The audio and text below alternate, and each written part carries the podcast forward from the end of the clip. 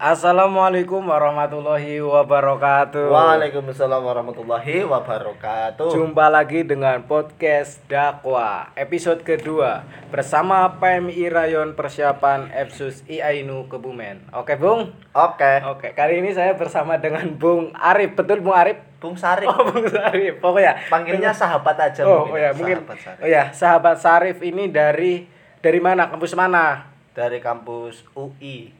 UI alias IAINU Utara Kebumen. Utara Islamik. Oh, ya. Utara Islamik ya. Iya iya betul. Ini Kebumen. IAINU Kebumen tercinta tuh khususnya ya, Bung. Iya betul. Cinta. Mungkin Bung Sarip ini semester berapa? Saya alhamdulillah sekarang masuk ke semester tua. Tua alias 10 semester. Bukan, Oh, bukan. Iya, itu rencana saya. Aduh, Tapi itu sebelum 10 di DO, Bung.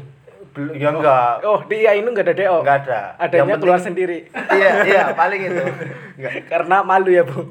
Ya itu, saya sudah semester ya tujuh lah, hampir skripsi doakan saya Oh, semoga amin, ya. lancar tuh Siap, siap, siap, siap. Amin.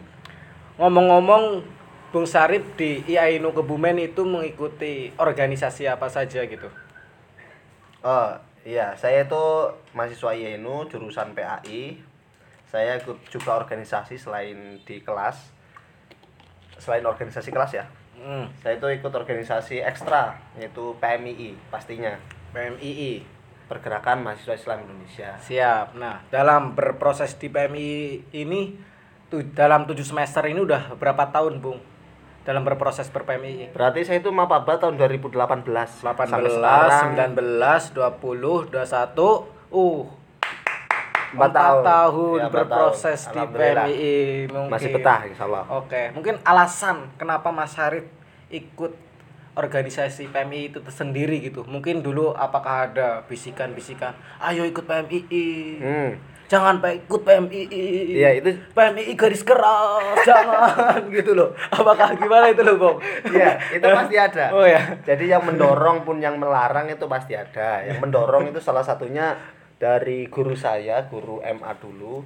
Itu ketika saya mau ikut eh, ketika saya mau masuk ke perguruan tinggi, organisasi yang harus saya ikuti adalah pergerakan mahasiswa Islam Indonesia. Dan yang tidak setuju itu pasti ada. Hmm. Ya dari kalangan mungkin dari pondok itu Wah. pasti ada karena ya biasalah ya dengan budaya yang ada di pondok harusnya jangan terlalu aktif di luar. Oh, oh iya, bukan. Oh iya, Bung oh, Bung. Sahabat Sarif bukannya ketua pondok pesantren mana? Saya di lupa. daerah Wonoyoso. Oh ya di daerah Manoyoso, pondok pesantren apa loh? Namanya biar cair aja. Al Hidayah. Al Hidayah. Alhamdulillah. Sampai sekarang. Alhamdulillah. Alhamdulillah sampai sekarang berproses di PMII juga menjadi ketua pesantren pondok Pondok pesantren, pondok pesantren Oh, iya. sorry sorry sorry sahabat Aduh. dari pondok pesantren dari Wonoyoso nah ini gimana loh cara membagi waktunya antara pondok pesantren dengan organisasi dengan kuliah dengan tugas wah Ya, itu juga salah satu eh, keuntungan saya atau ya berproses di organisasi. Alhamdulillah bisa ya sedikit-sedikit belajar bagaimana cara membagi waktu. Jadi kita di sini hidup ya harus bagaimana dengan segala segala eh, tanggung jawab yang ada, yang Hmm. itu resiko dari pilihan kita sendiri. Siap. ya kita harus bisa bagaimana membagi waktu di tempat ini di tanggung jawab ini di organisasi ini itu harus bisa ya bisa nggak bisa harus bisa orang itu udah pilihan kita oke siap kebanyakan nih ya Bung wih sahabat sahabat Sarip ya Ya, kebanyakan mahasiswa itu berpikiran bahwasannya mahasiswa yang mengikuti organisasi PMI itu adalah orang yang garis keras, bisa dikatakan seperti itu ya, Bu. Iya, benar Mungkin pernah dengar kan? Iya. Nah, pernah dengar seperti itu nah, suka demo, suka yang ibaratnya ya nyeleweng lah dari ibaratnya nyeleweng dari arti mahasiswa itu tersendiri. Nah, Hmm. itu mungkin bisa diluruskan loh, Bung. Bahkan ketika orang awam hanya melihat sosial media, wah sosial ini PMI cuma demo. Bahwasanya kita kan hanya menyuarakan suara rakyat kan, Bung. ya betul sekali Nah, itu gimana loh, Bung? Itu. Mari luruskan yang sudah berproses 4 tahun, silakan luruskan pemikiran yang nggak jelas itu, Bung.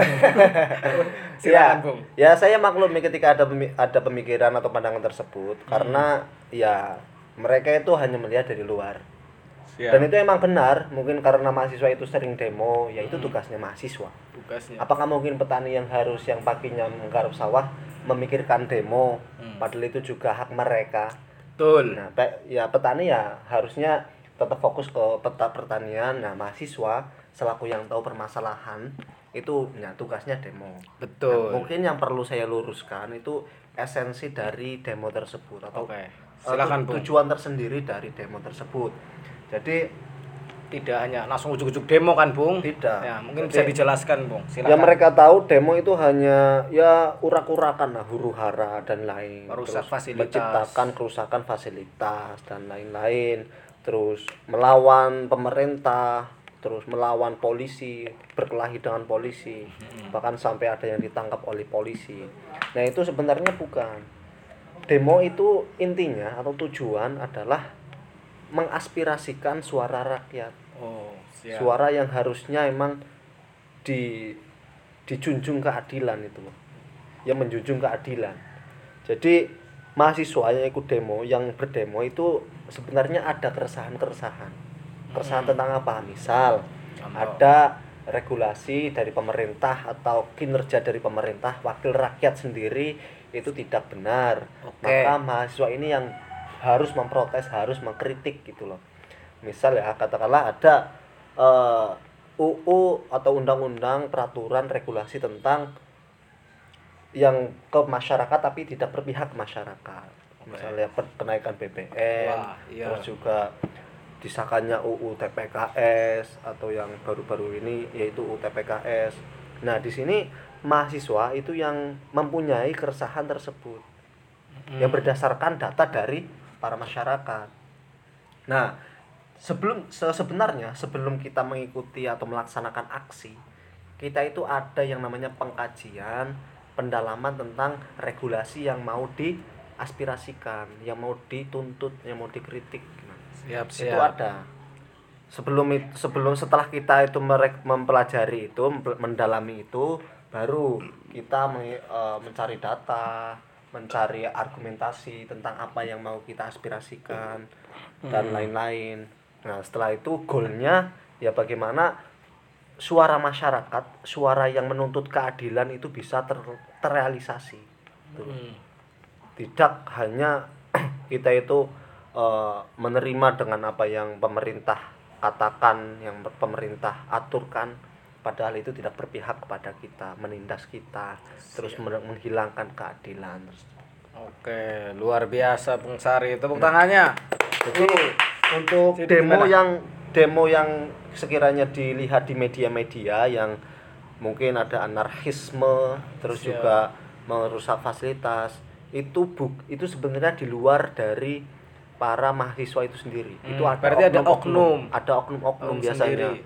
Iya, biasanya ada siap. oknum-oknum yang emang tujuan ikut demo ya tidak tahu apa-apa yang mau Hmm. didemokan Siap, siap. sehingga ya anarkis terus ketika tidak diterima ya lempar batu lempar botol Hmm. kepada polisi yang menyebabkan ricuh Nah. nah, itu yang sering dipandang di media Oke, itu kebanyakan kan organisasi PMII. Nah, Hmm. terus dianggap bahwasannya itu mahasiswa. Mahasiswa. Oke, seperti itu. Nah, kan ada nih yang ketika nah saya sendiri nih, Bung, kan Ya. masuk ber PMII gitu kan. Nah, kan ada mahasiswa baru tuh. Nah, mahasiswa baru itu kan belum tahu tentang PMII itu sendiri gitu.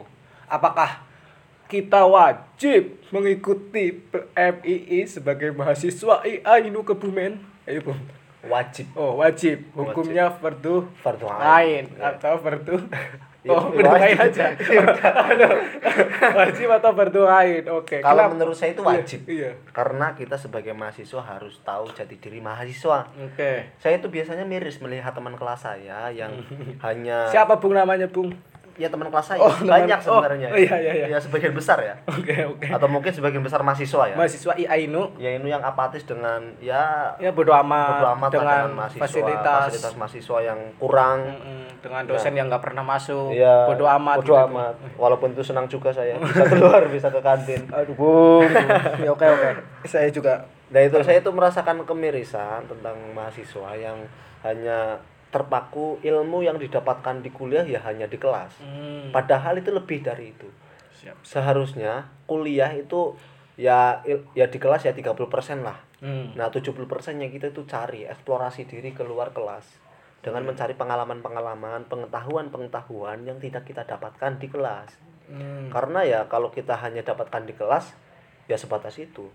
Kita hanya tentang teknis mungkin karena saya itu jurusannya PAI, bagaimana teknis untuk membuat RPP, bahkan ketika pembelajaran-pembelajaran yang sifatnya teoritik juga belum terlalu lengkap.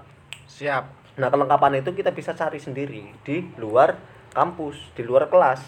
Nah, kalau kita tidak mempunyai kesadaran tersebut, maka ya kita hanya menjadi mahasiswa yang kuliah pulang, kuliah Alias pulang, kupu-kupu. kupu-kupu, Tapi bukan kupu-kupu. Malam. Siang, Bu. eh, Kan siang, kuliahnya siang. siang, Oh, iya. ada juga malam. ya, seperti itu. Iya.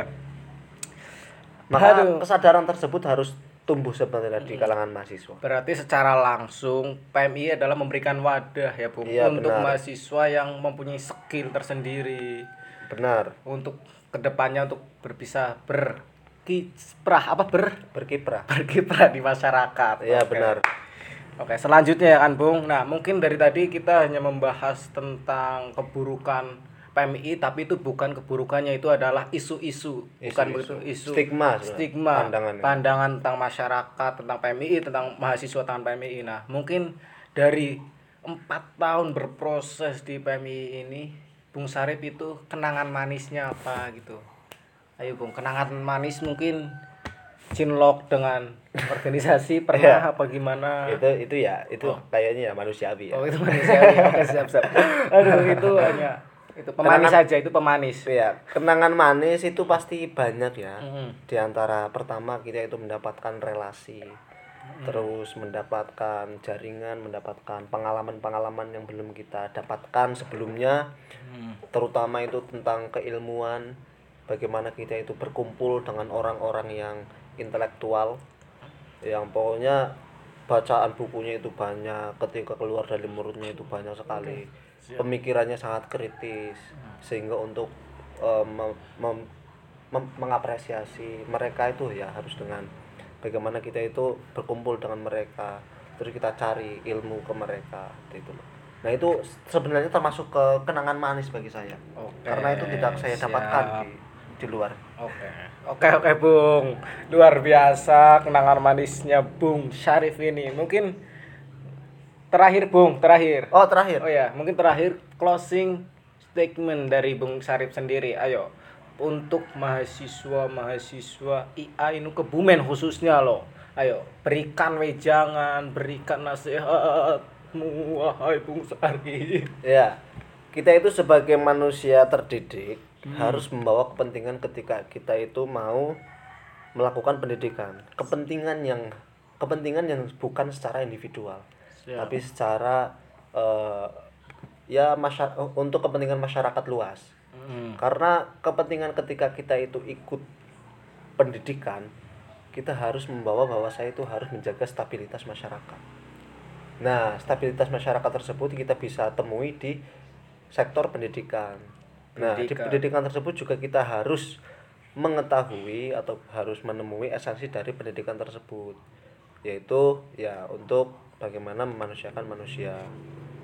Harus manusia memanusiakan manusia Iya. mengikuti PMII ya Bung Mengikuti PMII dan juga kita harus tahu bahwa sebaik-baik manusia adalah manusia yang bermanfaat bagi orang lain. Nah, PMI itu memberikan Wadahnya, wadahnya wadahnya. gitu Waduh, luar biasa per PMI. Mungkin terima kasih Bung Sarip Sama atas Bung Al. waktunya. Mungkin Kotar. sekian ya dari podcast dakwah episode kedua kali ini. Mungkin terima kasih. Salam pergerakan. Salam. Assalamualaikum warahmatullahi wabarakatuh. Waalaikumsalam warahmatullahi wabarakatuh.